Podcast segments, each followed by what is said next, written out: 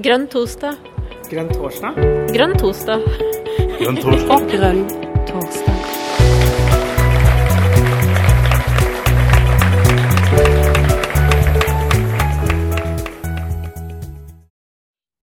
I dag er det torsdag, og det er krig i Ukraina. Det er fæle harde saker. Jeg jobber med et team som sitter i Skytomyr i Ukraina. De, det er 14 mil uh, vest for uh, Kiev. Jeg hadde, teknisk møte med de i dag, og en av de måtte plutselig bare gå midt i møtet for flyalarmen gikk. Det har vært et par angrep der også. Det er, dette så vi ikke for oss for noen ja, Tida går jo så fort. Det er vel bare en ukes tid siden eller noe sånt nå det starta. Og vi jo, hadde jo forrige torsdag så hadde vi også grønn torsdag med dette temaet. Og nå er vi heldige at vi nå har vi fått med oss Robert Wood, som har bakgrunn fra diverse ting. Nå skal jeg nesten ikke prøve å dra det, Robert, men det kan vel du. Ja, men i hvert fall, du har i hvert fall blitt en samfunnsdebattant knytta til så, sånne problematiske temaer som vi har i dag. Ja, og før, og før, du, for, før du, gir ordet til, til, Robert, så vi kan jo nevne da, litt. Grann. Altså, han har vært uh, generalinspektør fra Hæren, og i 2012 så var han sjef for FNs observatørstyrke i Syria. Og har tidligere da også vært sjef for FNs observatørkorps i Midtøsten. Og har også vært president for Norges Røde Kors og blitt tildelt Fritt Ords pris. Så jeg vil jo påstå, Robert, at du, du har jo ikke gått stille i dørene når det kommer til stykket. Det tror jeg vi kan påstå. Er du klar, Robert? til en liten innledning om Ukraina? Jo, takk for det. Tusen takk for um, hyggelig invitasjon. Um, en, på et forferdelig krevende tema og i en veldig tragisk situasjon. Uh, men nettopp derfor er det jo viktig at vi prater om det og lærer av hverandre og utforsker hva dette egentlig handler om. Takker også for muligheten til å si litt innledningsvis. Jeg tror dette kan bli veldig bra hvis vi, hvis vi diskuterer og, og, bryner synspunkter underveis. Så jeg skal eh, gjøre mitt beste. Ikke bare gjøre mitt beste, jeg skal være veldig kort. Eh, men det jeg har lyst til å gjøre, da, eh, med basis i mange, mange år Det er lov å si det. Mange år i Midtøsten og, og på Balkan og, og så mange runder i Afghanistan, så jeg har lyst til å si litt i det, litt i det større perspektivet om hva, hva krig handler om. Jeg skal, prøve, jeg skal, gjøre det så konkret at det skal ikke bli sånn militærfilosofi eller noe sånt. Jeg skal gjøre det veldig konkret. Og så har jeg lyst til å si eh, litt kort om den aktuelle diskusjonen, og så, eh, så tar vi det derfra. Og det første og det viktigste kanskje som jeg har lyst til å si, det er at uh, er det én ting vi har lært, så er det at krig og konflikt, det handler om mennesker i større grad enn fly, fartøy, kjøretøy og våpen. Og det er så lett å miste det av syne. Det er så lett å miste det av syne når man følger de store, lange, 65 km lange kolonner med kjøretøyer og, og det som nå skjer i Ukraina.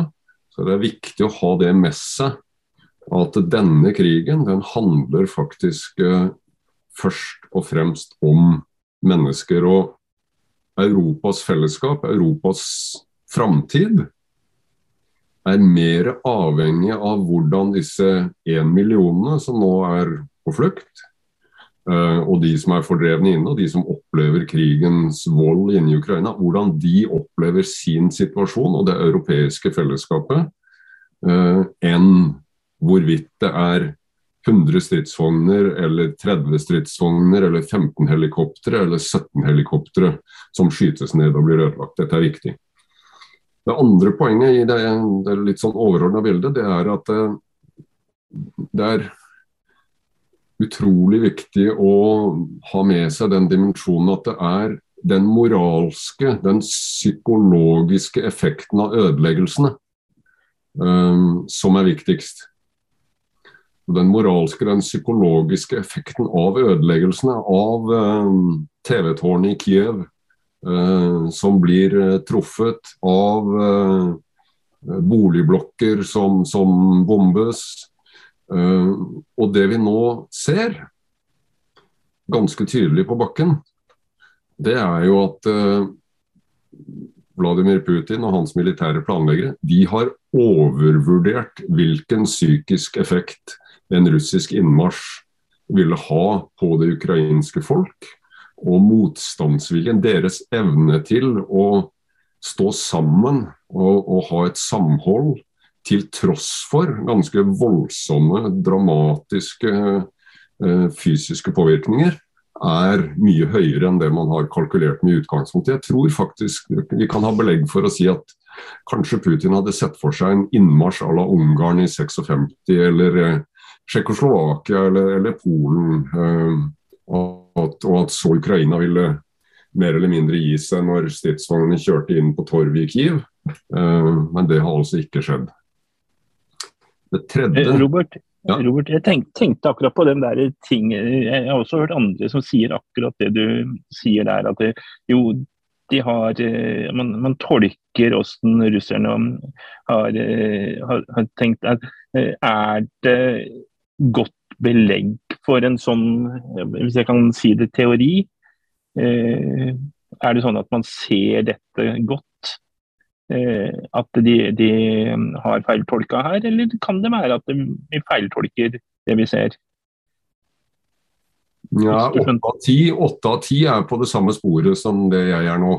Mm. Her er det en feiltolking, altså, og det er mange nyanser det er mange lag. Så vi kan, mm. vi kan, vi kan kle på den løken veldig mange lag. Men når du mm. ser på hovedtrenden, uh, så er nok den at uh, de trodde dette skulle bli mye enklere, gå mye raskere enn det det er blitt. Så nå er de over i en annen type konflikt. Mm. Jeg tror jeg, det, er, det er åtte av ti, uh, for å ta et sånt tall, enig enig mm. Så er det et poeng til i dette, i dette, bildet vi snakker om nå. Da, det er at er det noe vi vet fra krigshistorien, og noe vi har lært gjentatte ganger, så er det jo at det finnes ingen Det er, det er knapt en konflikt det finnes en såkalt militær løsning på. Når du slipper løs krigen, når du slipper løs denne, denne militærmakten, så vet du aldri hvor du havner. Og Det er den største risikoen i forhold til den situasjonen vi er oppe i nå. Um, det er sant det som sies, selv om det høres ut som en floskel, at det er det er så mye enklere å starte en krig enn å avslutte en krig. Og de, dette, Disse poengene er det viktig å ha med seg når vi analyserer og ser på dette. Og, eh, hvis jeg får dra et par sånne til, så er det for det første at eh, jeg skal uh, på mandag faktisk jeg på det arktiske universitetet i Tromsø og snakke om Nato. På et program der oppe, invitert av min, min libanesiske professor fra universitetet i USA da jeg tok masters der borte midt på 90-tallet. Jeg husker ennå han fordi at han sa med den største selvfølgelighet, og det var ingen av mine amerikanske kolleger som stussa i det hele tatt, han sa dere må huske på, kjære venner, og da var vi ca. 20 forskjellige nasjonaliteter, dere må huske på at USA og andre stater har bare egeninteresser, de har ikke venner. De har bare egeninteresser, de har ikke venner. Og Det er også en dimensjon som må være med i analysen av denne type, type problemstillinger. Og så til slutt eh, eh, Nato og, og, dynamikken i Nato, hvordan det foregår, hvordan det fungerer, er viktig å ha med seg. Og, og dere vet selvfølgelig alle sammen at dette konsensusprinsippet. Det betyr ikke at alle er enig i beslutningen når den blir tatt. Det betyr at det er ingen som tar ordet og argumenterer imot når Natos råd sitter samla. Det er konsensusprinsippet. Så til det dagsaktuelle. Um, og da tenkte jeg å si at det kommer til å, Historikerne og forskerne kommer til å jobbe lenge med det som skjedde før krigen brøt ut. Så hva, Gikk vestlige diplomater i søvne? Hvor ignorerte de signalene som kom helt siden München i 2007? Det, var det noen vei å komme rundt denne gordiske knuten om at Ukraina må få lov å velge sin egen selvstendighet på egen hånd? Det kan ikke dikteres fra Moskva. Og det at Russland sier, med rette eller ei, at de, deres sikkerhetsinteresser blir krenka av at uh, Nato og EU kommer så nærme. Her er det mange spørsmål, men som på en måte gikk ut på datoen idet krigen starta. Uh, så nå er vi i en situasjon hvor uh, det er våpna som snakker først og fremst, men heldigvis så foregår det et ganske intenst diplomati samtidig. Hovedutfordringen her, som i alle, som tidløs alle tidligere kriger, er at Vladimir Putin, enten vi liker det eller ei, han må altså se en vei ut. Han må se en vei ut, eh, for hvis disse fornærmelsene og, beskyldningene og, denne harde retorikken eh, hvor man nærmest konkurrerer med hverandre om, om å, å si, overdøve hverandre, hvis den fortsetter, fortsetter, fortsetter og fortsetter, og, og våpna snakker og snakker og snakker, og snakker, da rykker vi nærmere og nærmere en, en europeisk storkrig som kan få store konsekvenser.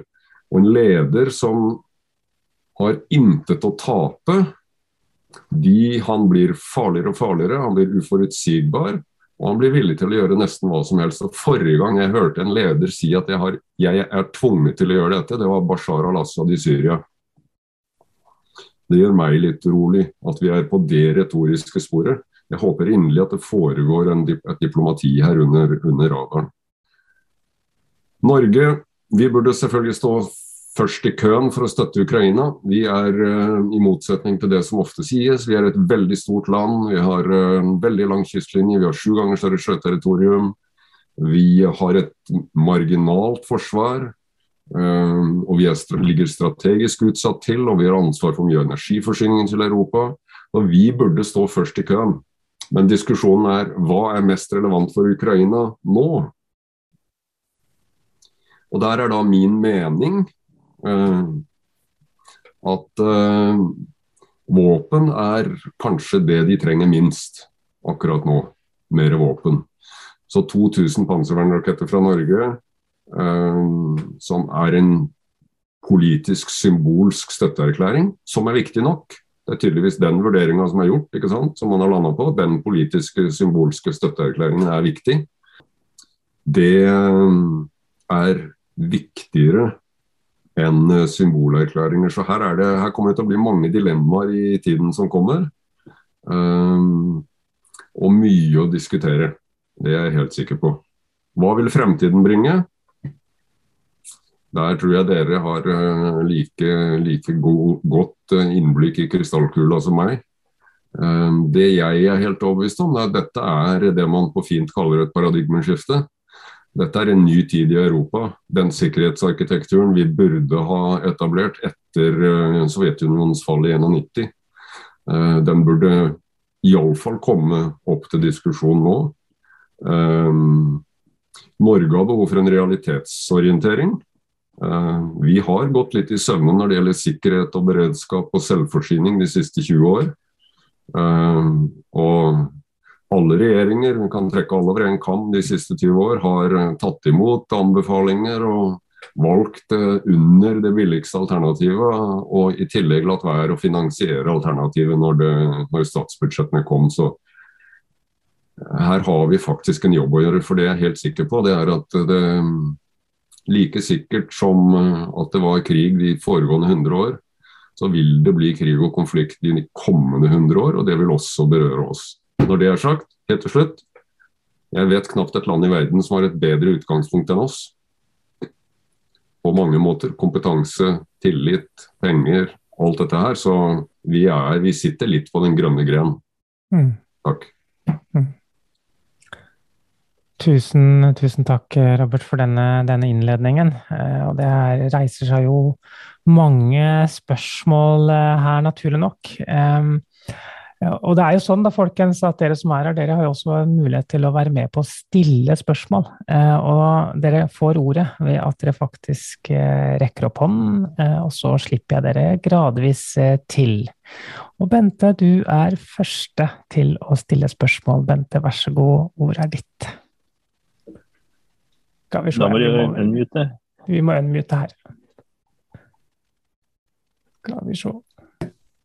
Der, ja. Nå hører vi deg, vet du. Ja. Kjempebra. Ja, eh, jeg kom litt sent på, dessverre, for jeg klønte med innkobling. Men eh, det som jeg har lyst til å spørre om, det er for det første at jeg kan ikke skjønne annet enn at Putin og Russland på alle områder bryter krigens folkerett. Og nå har man jo, ser man jo at det er boligområder de går mot og rammer sivilbefolkningen, er det lov i krig?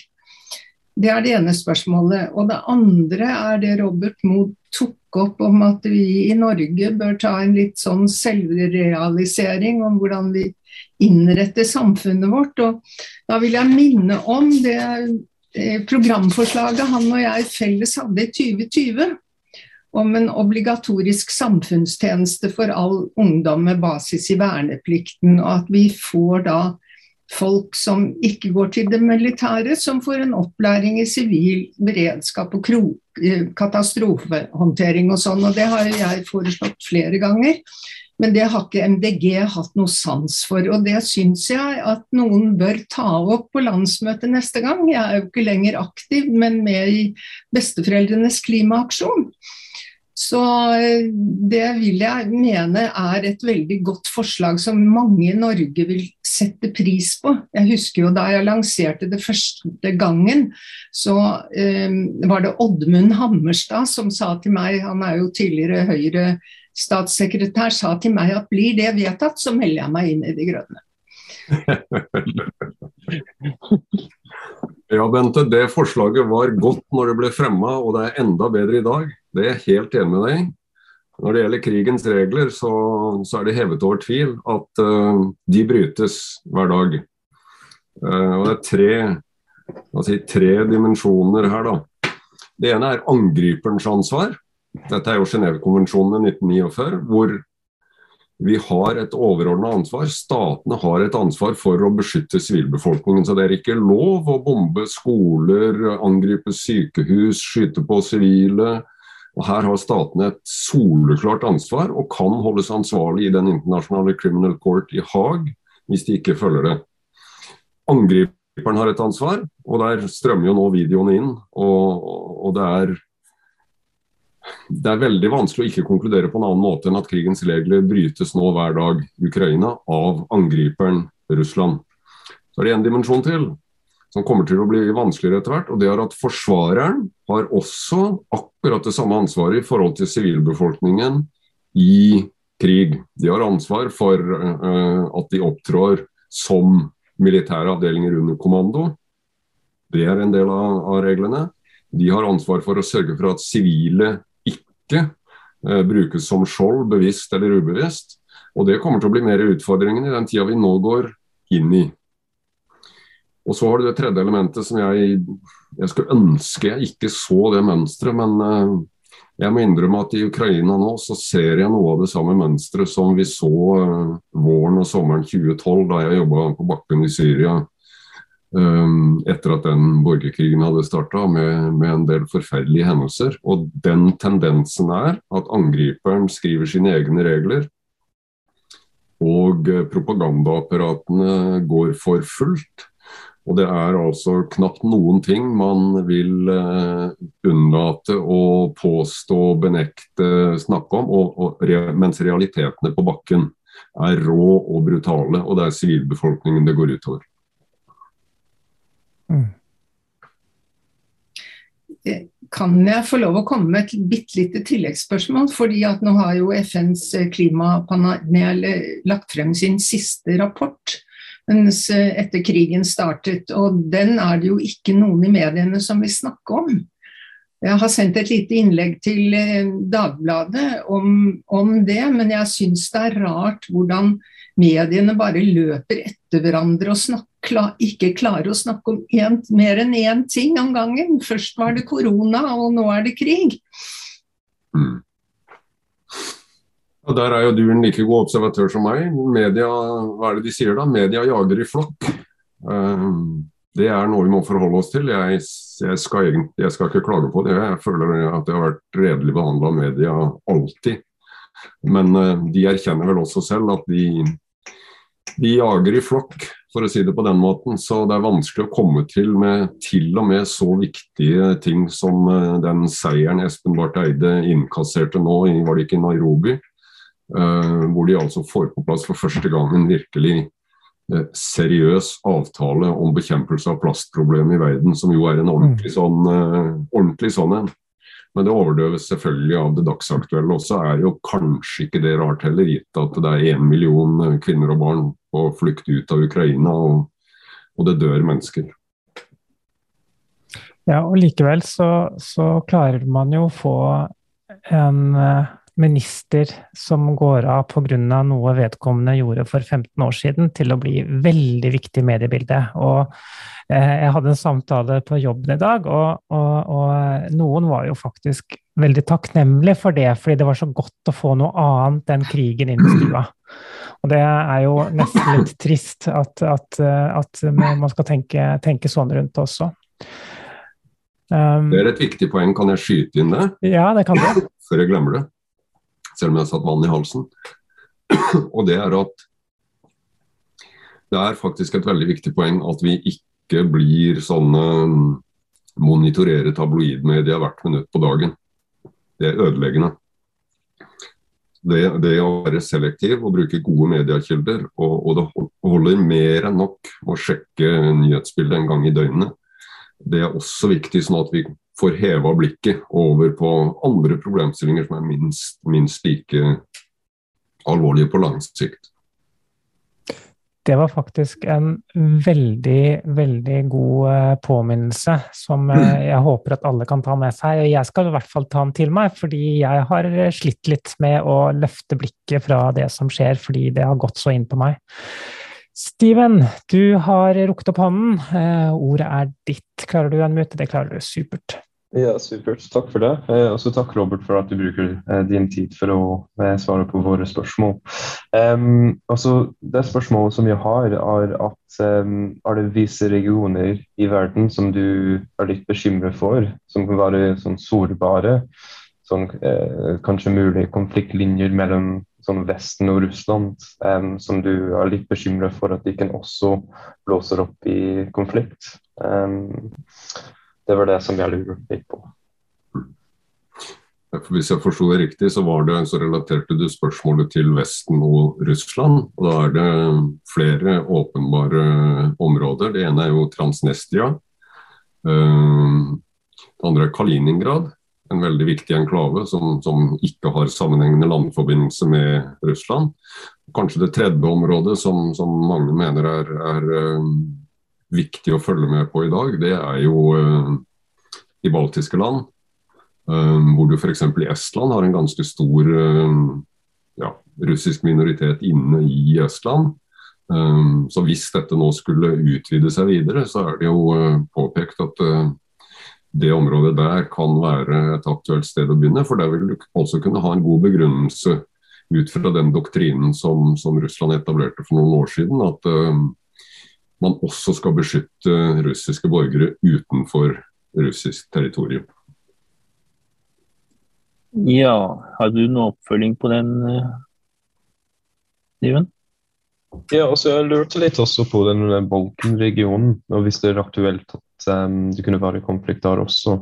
Um, så hvis du har noen tanker om sånn andre områder, um, også jeg vet om sånn Kina, Taiwan, og um, også hvis det sånn etableres en sånn hva kan man si, sånn forståelse for at dette er ugreit, men det kommer ikke med sånne store um, sånne problemer i, i, i, lang tid, så kan det sånn gi oppmuntring til andre stater. De kan ta en slik atferd også. Uh, men jeg lurer på sånn um, uh, Jeg tror det er ikke aktuelt å snakke utenfor sånn, den russiske boblen for tiden, uh, fordi det har vært så stor motstand mot det som har skjedd. Mm. Balkan, der er det jo slik at uh, utviklingen i forholdet mellom føderasjonen og Republika Serbska er i ferd med å bli dårlig igjen. Um, og det er um, ikke usannsynlig, det er vel kanskje mer sannsynlig enn usannsynlig at det der blir, kan blusse opp uh, nye konflikter.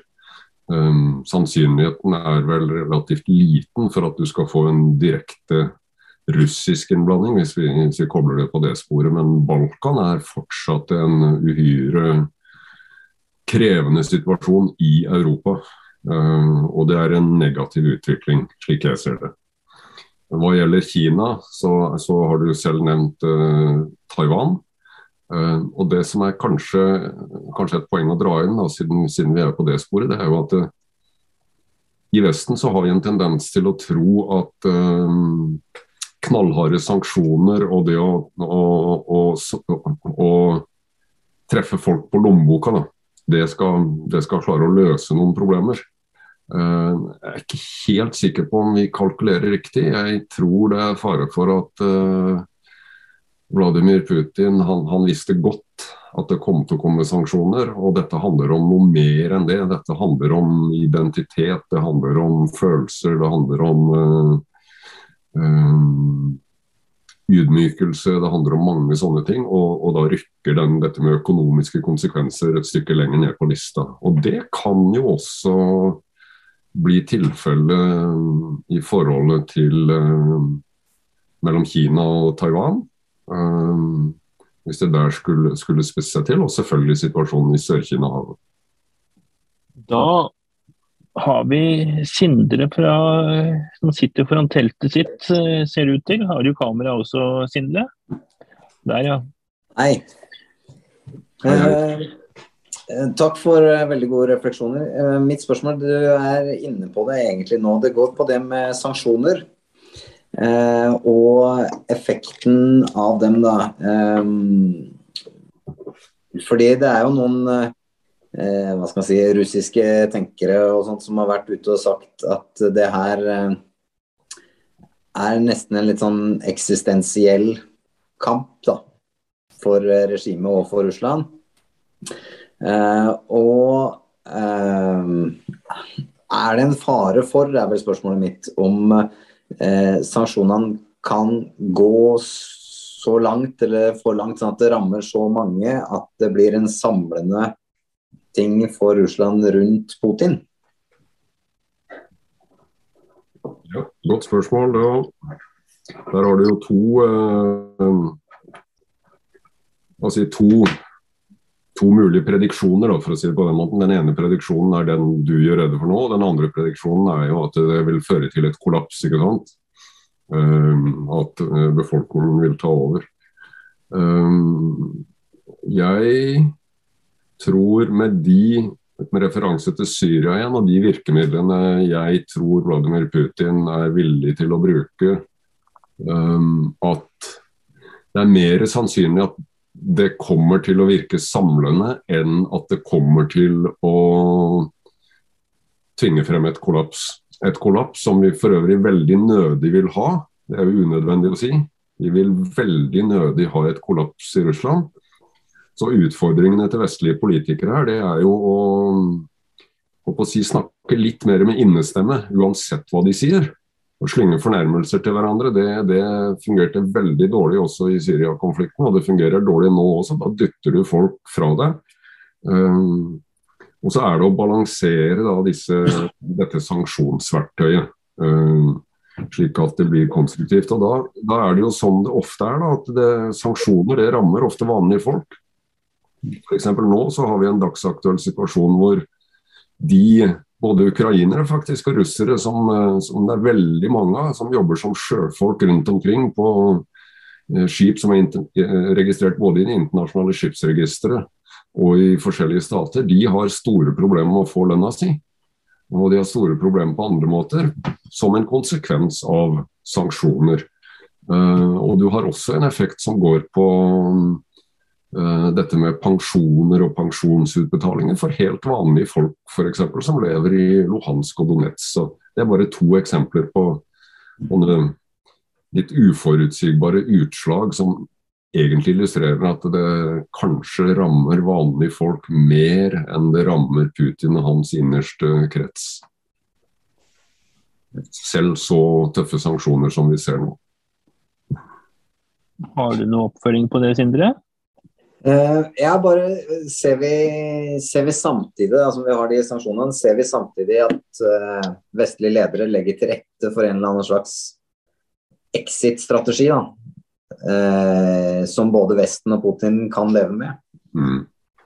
Det, er jo, det er jo et av de aller, aller viktigste kjernespørsmål her. ikke sant? Uansett hva vi måtte mene, og uansett hvor mye stygt vi kan si her, uh, på et eller annet tidspunkt, med mindre vi ønsker å gå rettlinja mot uh, større og større konflikt og høyere og høyere risiko, så må jo Vesten agere slik at Vladimir Putin og hans nærmeste rådgivere ser en utvei som de ønsker å ta ut fra sin egen tankegang. Og Det betyr altså at de må vinne mer på å gå ut den døra enn uh, en det de har å tape på å fortsette. ikke sant? Jeg ser ikke konturene av det per i dag. Men nå er ikke jeg på innsiden av diplomatiet, så her er det mange andre som uh, er mer kvalifisert enn meg. Men som en observatør så ser jeg ikke den dynamikken i dag. Takk. Eh, jeg, jeg, tenker bare ta et kjapt spørsmål fra chatten her. Da, eh, Daniel eh, som spør hvorfor er våpen det Ukraina trenger minst? Kan du utdype? Mengden våpen i Ukraina er uh, omtrent dobla siden uh, 2014. Uh, og det er veldig mange land som nå, nå sender inn forsyninger med våpen. Så Min formulering er ikke mynta på at Ukraina ikke trenger våpen, for de trenger våpen. Men mitt poeng er at uh, de blir så grundig forsynt med våpen og har fått så mye våpen de senere åra at for Norge å sende noen få våpen ekstra, det er en mindre relevant støtte til Ukraina. En støtte som vi definitivt må stille oss først i køen for å gi. Enn en storstilt satsing på det humanitære og på å motta flyktninger. Gjerne etablere luftbroer, ikke sant hvor vi kan hente ut kvinner og barn til, uh, i tråd med at nå EU har jo nå tatt bort disse beskrankningene som gjelder på bevegelse ikke sant, og gitt til den generelle rettigheten. Og Der kan vi spille en enorm rolle. Og hvordan disse menneskene tas imot av Europa, og hvordan og forhåpentligvis da etter hvert kan, så raskt som mulig kan vende tilbake igjen, det har um, i mitt hode fryktelig mye å si for Europas fellesskap og Europas framtid. Så det er et valg mellom de to, og da velger jeg det siste. Og der har vi jo i Norge også en tradisjon å ivareta, som vi også kan kanskje ta med oss. Maja, du har rukket opp hånden. Eh, vær så god, ordet er ditt. Takk.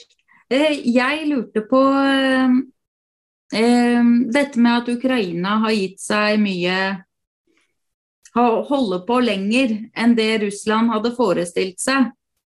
Tenker dere at bakgrunnen, dette med sultkatastrofen i Ukraina og hvordan Ukraina har blitt behandla i Sovjetunionen, har noe å si for den utholdenheten? Uh, sultkatastrofen i 21-22 og Nansens fredspris i 22, som han, det er jo litt oppblåst, den innsatsen han gjorde, iallfall den effekten han hadde. Det var jo faktisk American Relief Agency som, kanskje, som, som leverte, vel, nådde fram med vel, var det 86% eller noe sånt, hvis jeg husker disse tallene riktig. Uh, mens Nansen sin innsats sto for under 10 av, av hjelpa, husker jeg. Men det til side. Vi har jo en tradisjon, og den hungersnøden og den, den svikten i kornproduksjon som der skjedde i Russland og Ukraina etter uh, første verdenskrig, uh, etter revolusjonen og, og, og, alt dette her, den, den sitter jo så sterkt hos, uh, hos ukrainere og russere fra dette området at de, de, de, fortsatt i dag husker Nansens navn veldig, veldig godt.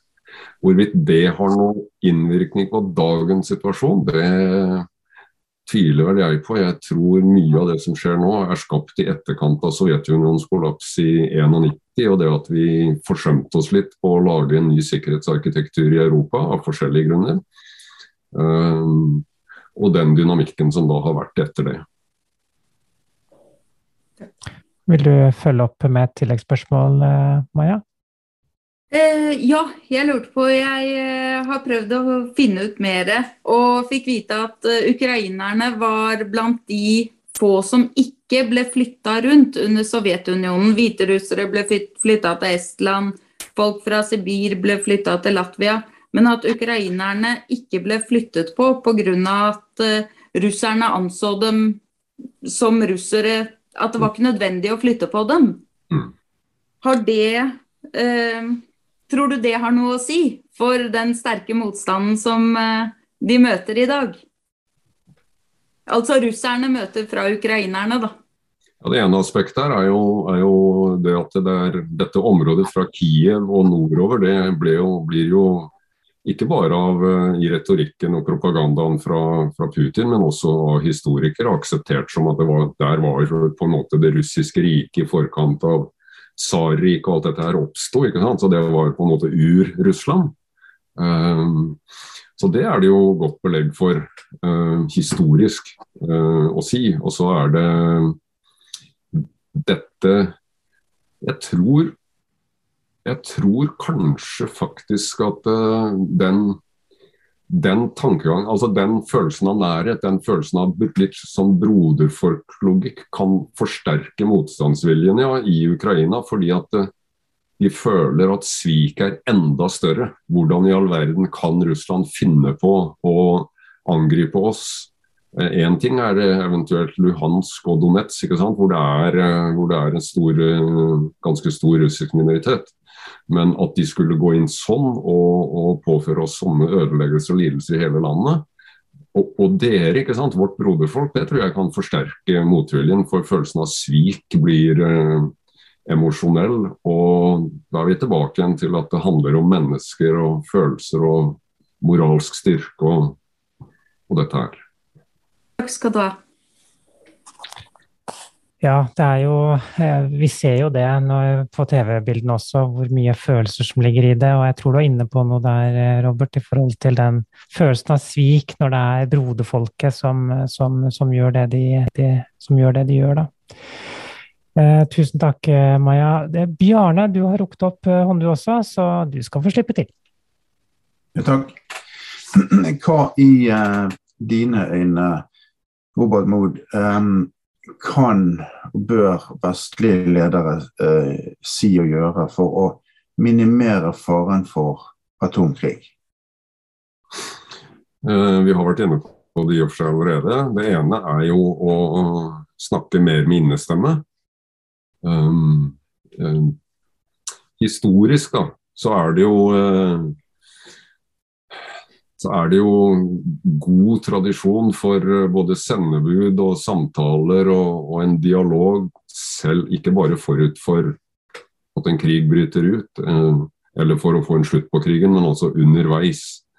Og da, For at det skal fungere, um, så er det et veldig dårlig utgangspunkt med personlige fornærmelser og, og beskyldninger og alt dette. Det, det er lett å konkurrere om å heve stemmen mest, men, eh, og det er mer krevende å snakke med innestemme. Men jeg, har, jeg må nok innrømme jeg har vel tiltro til at uh, våre utenrikspolitikere vedlikeholder en, en respektfull dialog. Den f.eks. Macron, som, som, jo har hatt kontakt med Putin i dag. Jeg tror de er meget profesjonelle i måten de håndterer seg dette på. Men litt mer innestemme i media, som også leses i Moskva, tror jeg er en, en god ting. Uh, det andre aspektet i, uh, i denne sammenheng er jo nettopp å fra vår side i alle fall, å bidra til en dialog eh, rundt Sikkerhetsrådet og bidra til en, en, dialog rundt Nato, hvor vi jo har en tung stemme, som, som går på denne erkjennelsen at uh, det viktigste nå er å se etter noe som kan gi en vei ut. Altså se etter en måte å knytte opp eller, eller bygge inn eller denne gordiske knuten med at Ukraina selvfølgelig må velge selv. Eh, og samtidig kanskje være villig til å se at uh, Russland har sikkerhetsinteresser. Vi er forbi det akkurat nå, for nå er det våpnene som snakker. Uh, men å holde det i bakhuet og, og jobbe konstruktivt gjennom de internasjonale organisasjonene vi tross alt har, for å komme, på et tidspunkt komme tilbake dit, er viktig. Eh, dessverre så, så er det vel det er nærliggende å tro at den militære situasjonen på bakken peker i retning av at dette kommer til å bli betydelig verre før vi kommer dit, og før det blir bedre. Um, med mindre det er um, hendelser på bakken som, som, vi ikke har innsikt i. Takk. Eh, Bjarne, vil du ha et uh, oppfølgingsspørsmål? Nei da, jeg vil bare si takk for uh, kommentar som virket uh, veldig fornuftig. Og spesielt det med å unngå fornærmelser og nedsnakk, all den nedsnakkingen og demoniseringen av Russland som sikkert har foregått i årevis. Mm. Du kan få lov å si uh, skyte inn, da. Selv om nå er det dessverre jeg som prater mest her, men hvis jeg kan få lov å skyte inn så... Skyte inn, ja. Nei, det var dårlig humor, Jon. så, så er det, det er et veldig viktig poeng at det bor en del ukrainere i Norge. Og det mm. bor en del russere i Norge. Mm. Det bor en del ukrainere i Norge som flykta fra Donetsk og Luhansk. Jeg snakka med en av de i dag. Og det er tendenser til at istedenfor å legge armen rundt skuldrene på disse som har barn i barnehagen, og som er lærere på skolen, og som er en del integrert del i vårt samfunn, så blir de nå utsatt for uh, hets, noen av disse. Mm. Der må vi passe oss. Der må vi passe oss veldig. Vi må være, vi må huske på at det er nå vi faktisk skal legge armen rundt våre russiske venner som bor her, de som er her med russisk bakgrunn fra Øst-Ukraina, og ukrainere. Og ha litt ekstra omtanke for dem her hos oss i det lokale nærmiljøet. Det er en, en kommentar også. det er en ganske nyttig, nyttig mm. påminnelse, vil jeg si. Eh, bare sånn før, før, før, Jon drar det videre. altså eh, Tror du at vi klarer med det økonomiske presset å påvirke Putin-regimet? Ikke med økonomi alene. Nei. Det må mer til. Det er, det, dette er et samspill mellom uh, økonomi. Det er uh, Kina har nå signalisert forsiktig ikke sant, at man kanskje ikke stiller seg rettlinja bak uh, osv. Det er uh, Europa, ikke sant. Hvordan han faktisk jo da har oppnådd at Europa står, står samla på en annen måte enn tidligere, og, vokser, og EU vokser fram som en entitet på en annen måte, med en annen styrke og en annen stemme enn det vi har sett. ikke sant? Og, og Nato er jo, er jo mer styrka enn tidligere osv. Så, videre. så Så det er mange det er diplomatiet, det er dialogen, det er selvfølgelig økonomiske virkemidler. Men det er det er summen av dette. Og i det, i det lynsjakkpartiet, for å bruke et sånt begrep, i det krevende lynsjakkpartiet, så må man også flytte springeren sånn at du frister eh, fram løsninger fra, fra den andre sida. Her må vi satse på at det finnes noen eh, statsmenn eller damer som greier å se hvordan man skal komme seg ut av dette. Eh, Pål, du hoppa litt opp og ned på talerlista, eh, men jeg tror vel egentlig at det var din tur? Hvis du greier å Takk skal du ha, Jon. Jeg er, jeg er litt sånn koronafast i sengen, så jeg har ikke lyst til å ha på kamera så mye. For jeg ligger her og, med dundrende hodepine. Men altså, når Robert uh, kommer på Grønn torsdag, så, uh, så er det helt andre krefter i sving som går gjennom som, ja, som ingen kan stoppe. Så Robert, tusen takk for veldig interessant, uh, interessante refleksjoner. Jeg har et spørsmål. Du var litt inne på det helt på slutten der, men du nevner jo dette, de store endringene som skjer. Vi ser at Finland snuser på Nato, Sverige snuser på Nato. I dag meldte Moldovia, uh, Uk, hva heter det, Georgia, Ukraina vil bli medlem av EU. Uh, da snurper det seg sammen enda mer.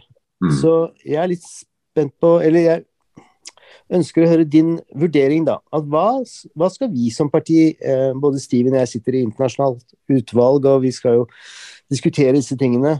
Hva skal vi som parti, som MDG i Norge, Hva syns du vi burde mene om den utviklingen? Skal vi ønske den velkommen, eller skal vi være litt Ja. Hva er dine refleksjoner om det? Det som endrer det sikkerhetspolitiske arkitekturet i Europa i disse dager? Hei, Pål. Og riktig god bedring. Takk skal du ha. Jeg har vært der, så jeg føler med deg. Jeg har vært med en liten uke, så Men det er mange av oss som har vært der. Så, så, så det til side.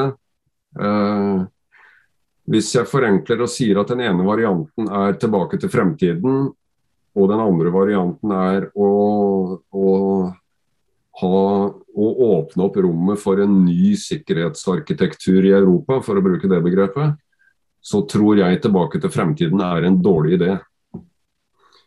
Eh, det å utvide Nato med noen land til, og det å liksom flytte litt på disse brikkene, og det å på en måte sementere en ny kald krig, da, eh, enten vi vil eller ei, eh, det eneste det gjør, er kanskje å utsette og skyve, skyve videre foran oss et sånt oppgjør mellom samfunnssystemer, mellom det autokratiske her og, og, og, og, det mer liberale Europa.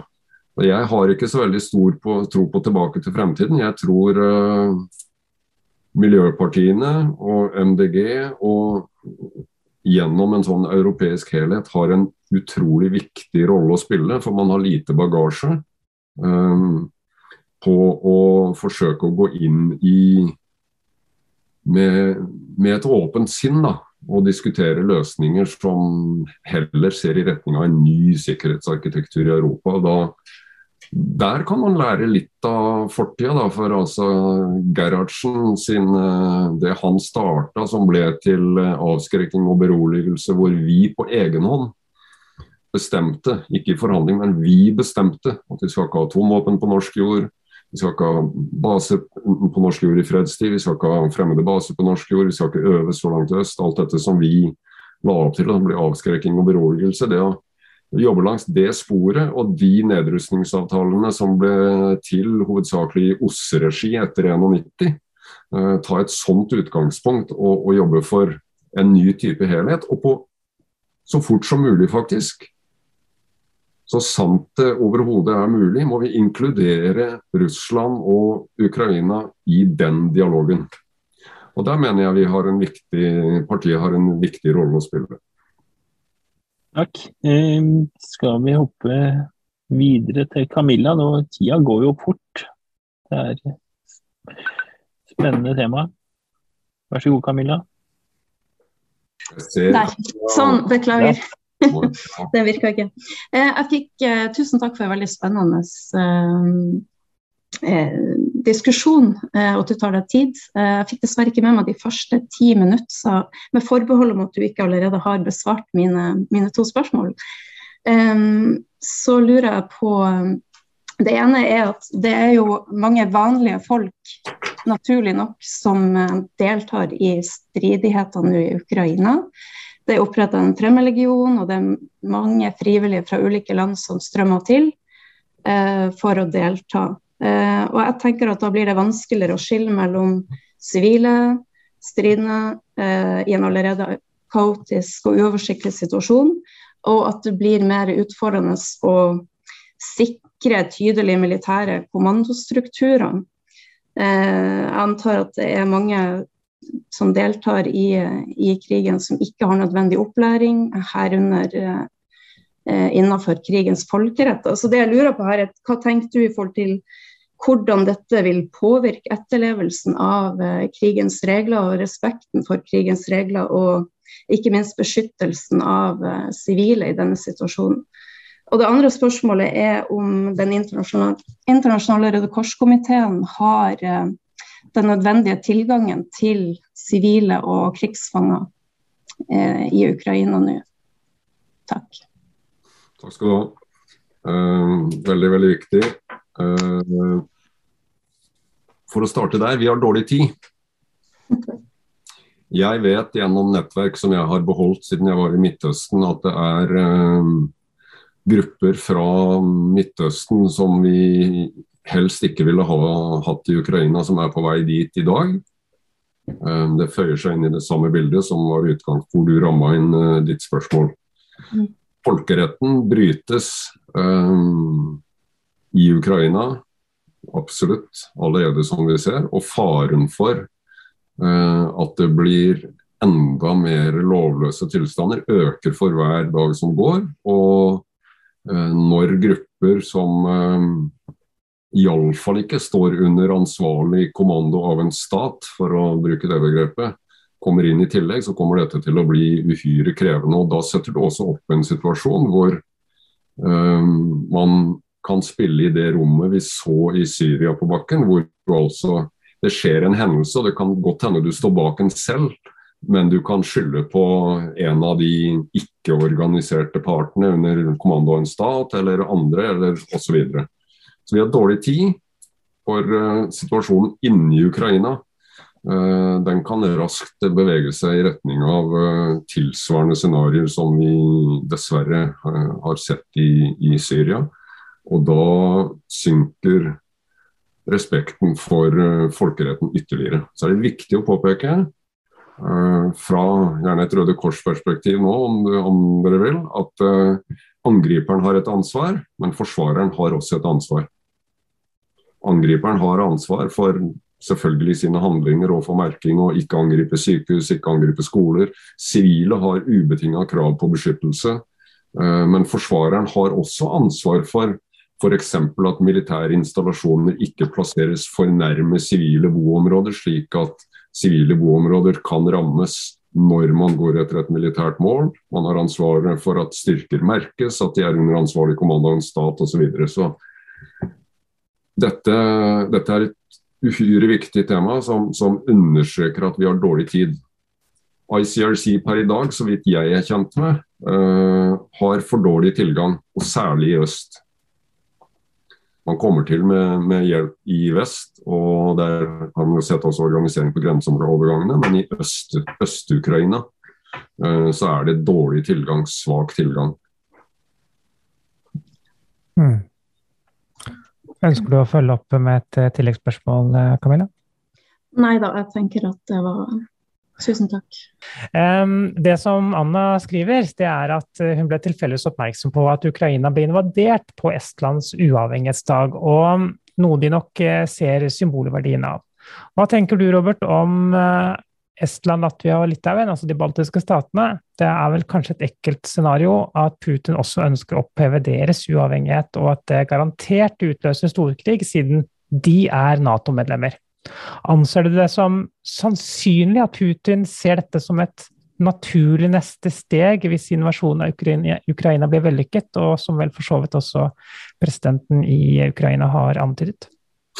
Nei, jeg ser det ikke som naturlig at uh, Vladimir Putin uh, går i konfrontasjon mot Nato, og det er det vi da snakker om.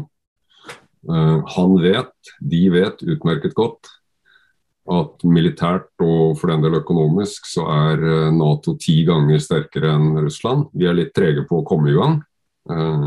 Så de har hatt fordelen av at de kunne svinge til venstre i veikrysset under en øvelse, for å si det litt flåsete å krysse grenser, mens vi da bruker noe lengre tid. Men uh, vi er langt overlegne, og samholdet i Nato er styrka.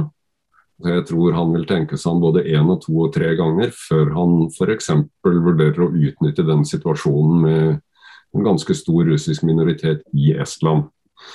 Når det er sagt, så skal man ikke være skråsikker i disse tider. fordi at uh, jo mer tilspissa denne situasjonen er, jo lenger en, en, eh, leder skyves inn i et hjørne.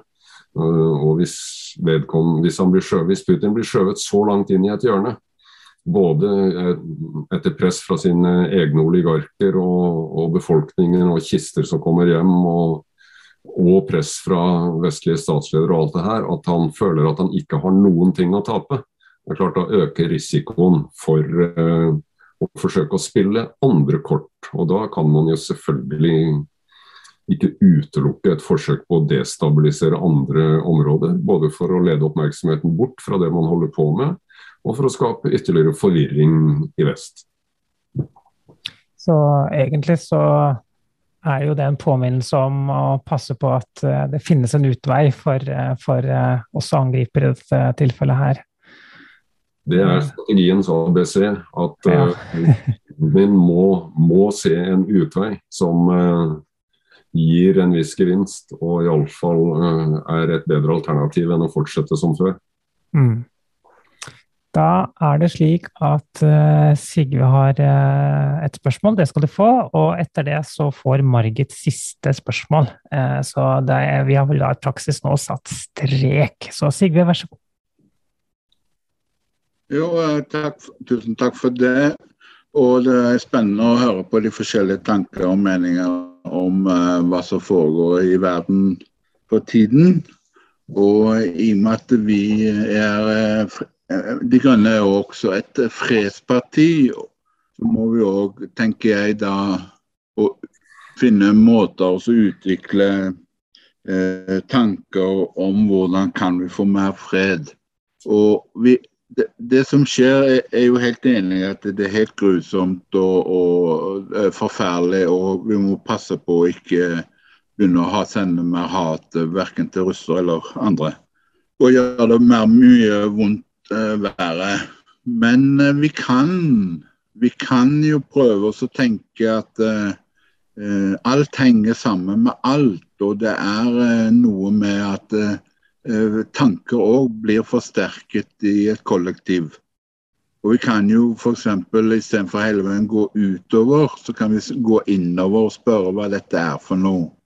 Hva er det for noe vi skal lære nå av det vi blir konfrontert med? Jeg tenker sånn, I bunn og grunn handler ikke den nåværende krigen nødvendigvis om Putin, men om vår måte å forvalte demokratiet og livene våre på. Vi har neglisjert demokratiet og oss selv, og kastet, bort, kastet oss bort i en uhemmet forbrukerisme, kan du si, som har vart nå i mange tiår. Og vi ser jo konsekvensene over hvordan vi har gjort dette med forhold til klima- og miljøkrisen. Og vi har tenkt at de hardt tilkjempede friheten og demokratiske funksjonene kunne fungere i kraft av ytre fokus. Og vi kunne skumme velferdsstrømmen, altså fløten av velferdsstrømmen på en måte. Men demokratiet er en svært sårbar enhet som er oppnådd gjennom en lang historisk utvikling, og som visner om vi ikke pleier å pleie det med ansvar og omsorg. Og det tenker jeg er litt tankevekkende, da. Takk. Ja, Sigve, du vet jo det at du snakker til menigheten når du sier det der til meg. Eh, Hyggelig. Ja.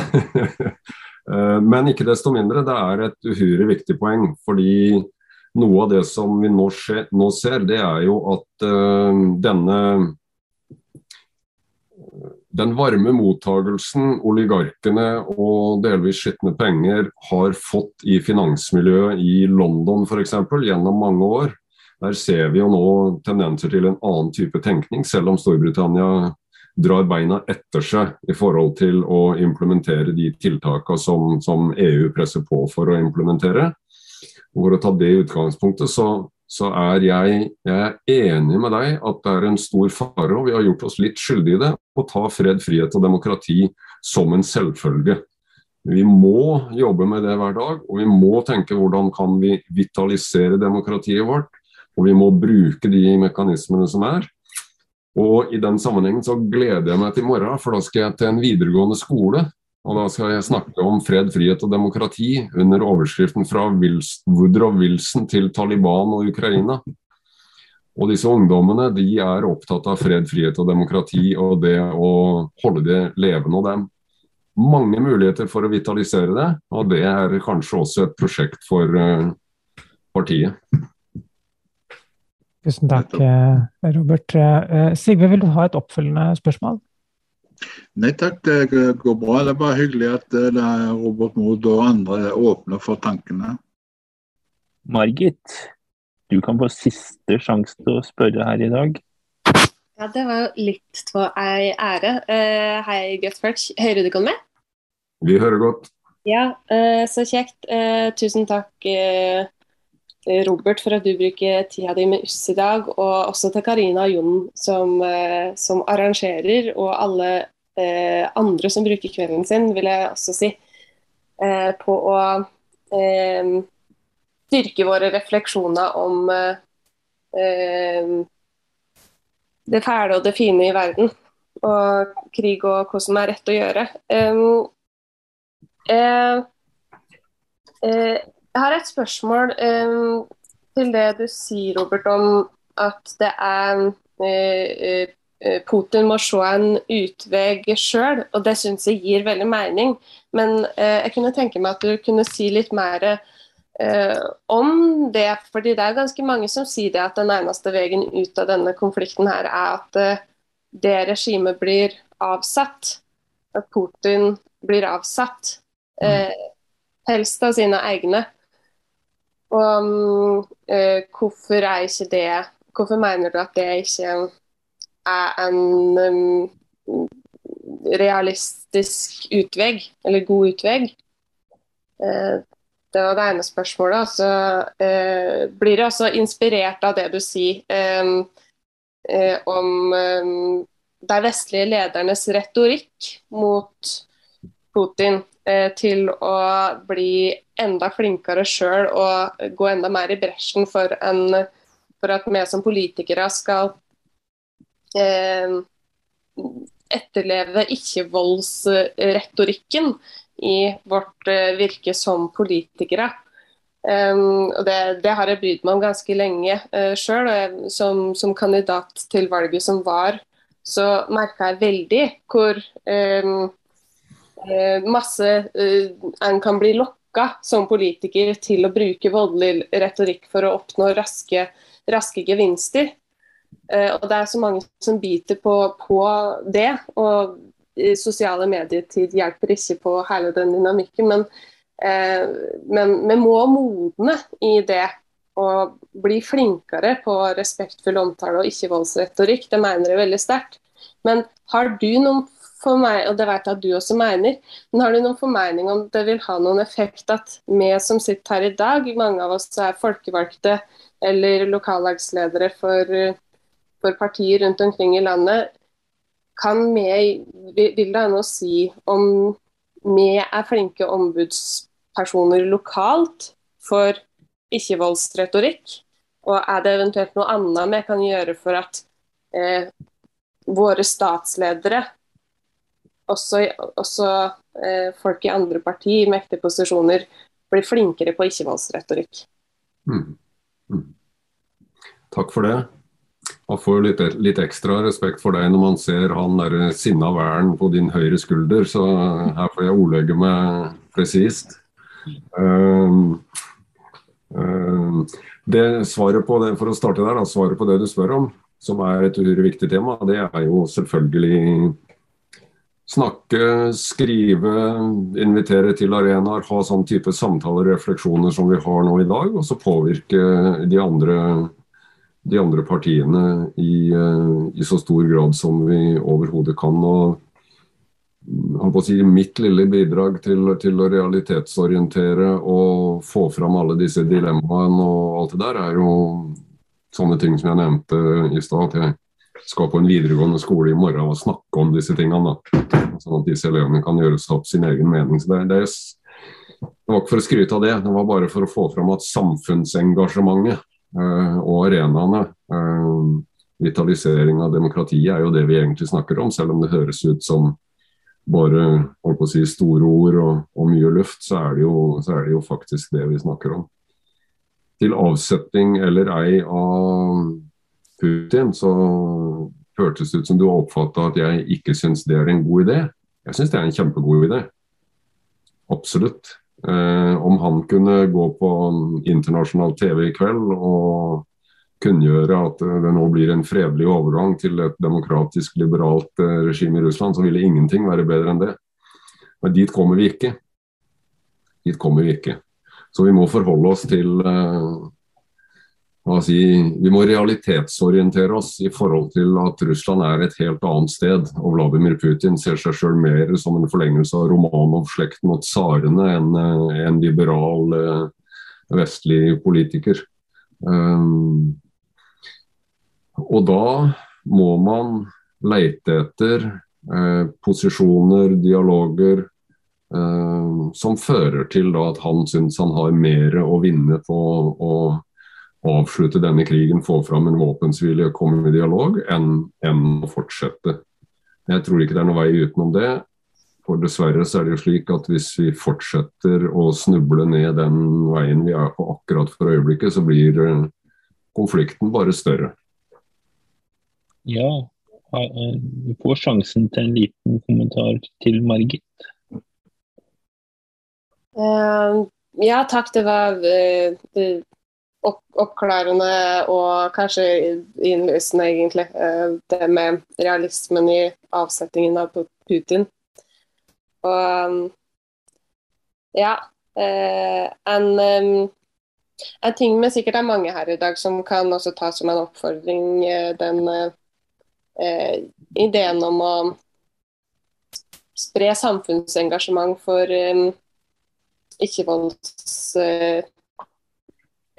ikke-voldsretorikk, ikke-voldstenking eh, generelt. Det har i hvert fall jeg lyst til å jobbe med. Så takk. Mm. Lykke til. Og hvis jeg kan skyte inn før dere runder av, så må det jo være at uh, uh, Ironisk nok så er jo Norge krigsprofitør. Der skøyt jeg inn noe en gang til. Jeg må slutte å si det, hører jeg. det til side. Eh, Norge er jo krigsprofitør. Hvis vi er litt selv, selvkyniske her. Vi tjener massivt med penger på både gassprisen og på oljeprisen og, og dette her. Og, eh, så vi sitter litt på den grønne grenen, og vi er foreløpig på veldig trygg avstand. Og, og Folk må ikke tenke at det er noe stor trussel mot Norge for øyeblikket. Slå av nyhetene innimellom og sjekke innom en gang i døgnet. Det tror jeg er mitt beste råd eh, i denne sammenhengen. Og så må vi huske på at det som gir oss et særskilt ansvar, i tillegg til at vi, har, eh, vi tjener fryktelig mye penger til og med på denne tragiske situasjonen, det er jo at eh, det finnes knapt et land som, som, har et bedre utgangspunkt enn oss, og som kan ta litt lederskap, og som kan bruke penger på flyktninger og kan, kan stille opp og, og, være en pådriver. Det har vi råd til. og Det siste vi skal bekymre oss for nå, det er hvorvidt strøm, strømmen går opp med to kroner eller ned med to kroner. Tusen takk for at jeg fikk være med i samtalen. Mm. Takk, Robert. Veldig bra. Mm, eller bra. Det er et godt bidrag til en vanskelig debatt. Og mm. også i dag så har jeg blitt litt klokere, Karina. Det er ikke verst. Eh, fortsetter du sånn, så tror jeg du får større hjerne etter hvert, eh, Jon. Ja, det er jo veldig, mindre hår, i hvert fall. Ja. Ja, det, kan være en illusjon. Det er den jeg ser, ja. Um, jeg, jeg, skal ta med meg et par ting fra, fra samtalen i, i, i, kveld. Og, og, det ene er uh, å, å, prøve å rasjonere litt med hvor ofte jeg ser på nyheter. Uh, og Eh, skape rom for eh, ettertanke og det å prosessere ting før, eh, før, før en reagerer. Da. og jeg tenker det, det, det, er faktisk et veldig godt råd. Jeg tror faktisk også det er en forutsetning for at du skal få til et godt ordskifte når det kommer til stykket. Så, så det, det, tar jeg med meg, faktisk. For, for, jeg kjenner at jeg har vært litt sånn revet ut av det i dramatikkens uh, uh, første fase i, av denne krigen. Åssen er det med deg, Jon? Er det sånn at du, du, du ser vel nyhetene bare én gang, gang om dagen allerede, du? Ja, jeg må nesten innrømme det, for det, det, er så overveldende. Så, ja. så jeg, jeg, gjør det. Jeg, jeg registrerte vel at Det kan hende at jeg ikke hørte alle nyansene, at Robert ikke var innom at uh, i krig så Det første som dør, er sannheten. Eller, altså, du, vi kan ikke stole på noe som helst av det som kommer av, av nye, enkeltnyheter. Det kan være er, det, kom, det, er jo en nyhet f.eks. med at disse eh, med andre hudfarger blir eh, ikke får komme over grensa til Polen. Er det sant eller ikke? Det er vanskelig å vite. Eh, det er jo en, eh, passer jo inn i vårt verdensbilde av, av Polen, men eh, jeg tror vi skal ta den og mange andre ting med en klype salt, og så får vi se hva vi kommer ut med i andre enden. Ja, og det var jo, altså Vi hadde jo en samtale med, med, med Jon Frydenborg, som, som, som er ned, Han er kanskje hjem, på vei hjemover i dag, kanskje, men han har vært nedover i Polen og grensa mot Ukraina, i, i, sammen med Dråpen i havet, hvor han har vært med på å organisere noe, eh, noe koordinering av noe, noe, noe hjelpearbeid der. Eh, og, og, hans inntrykk var jo at det, det, var Til å være kaotisk, så var det veldig rolig. Eh, og det virket som stort sett så var det relativt grei kontroll på det. Eh, han mm. kom også med en oppfordring Eh, de trenger ikke mer klær og leker, det er andre ting som trengs. Eh, og det handler jo om å, om å, skape rom for husly, og at man får nok mat, og eh, ren humanitær bistand, eh, rett og slett. Og så sa han jo også det, akkurat det du sa nå, Jon. Eh, mm. og for de som ikke eh, fikk det med seg, så har vi jo lagt ut eh, klipp av den eh, telefonsamtalen. ligger jo ute på Grønn torsdag på Facebook og YouTube, så det er fullt mulig for de som er interessert i å, i å, å høre hva Jon Frydborg har å si. Um, men, men, men, men, han sa jo også at det, med, det, det, første som forsvinner, er jo sannheten. Og det er utrolig mye ubekrefta rykter ute og går eh, i, i grenseområdene. Mm. Tusen takk, Robert, for at du var med, og tusen takk til alle andre for at dere også var med og gjorde dette til en eh, hyggelig kveld, tross et veldig dystert eh, tema. Ha det godt, folkens. Ha det. Ha det godt. Ha det.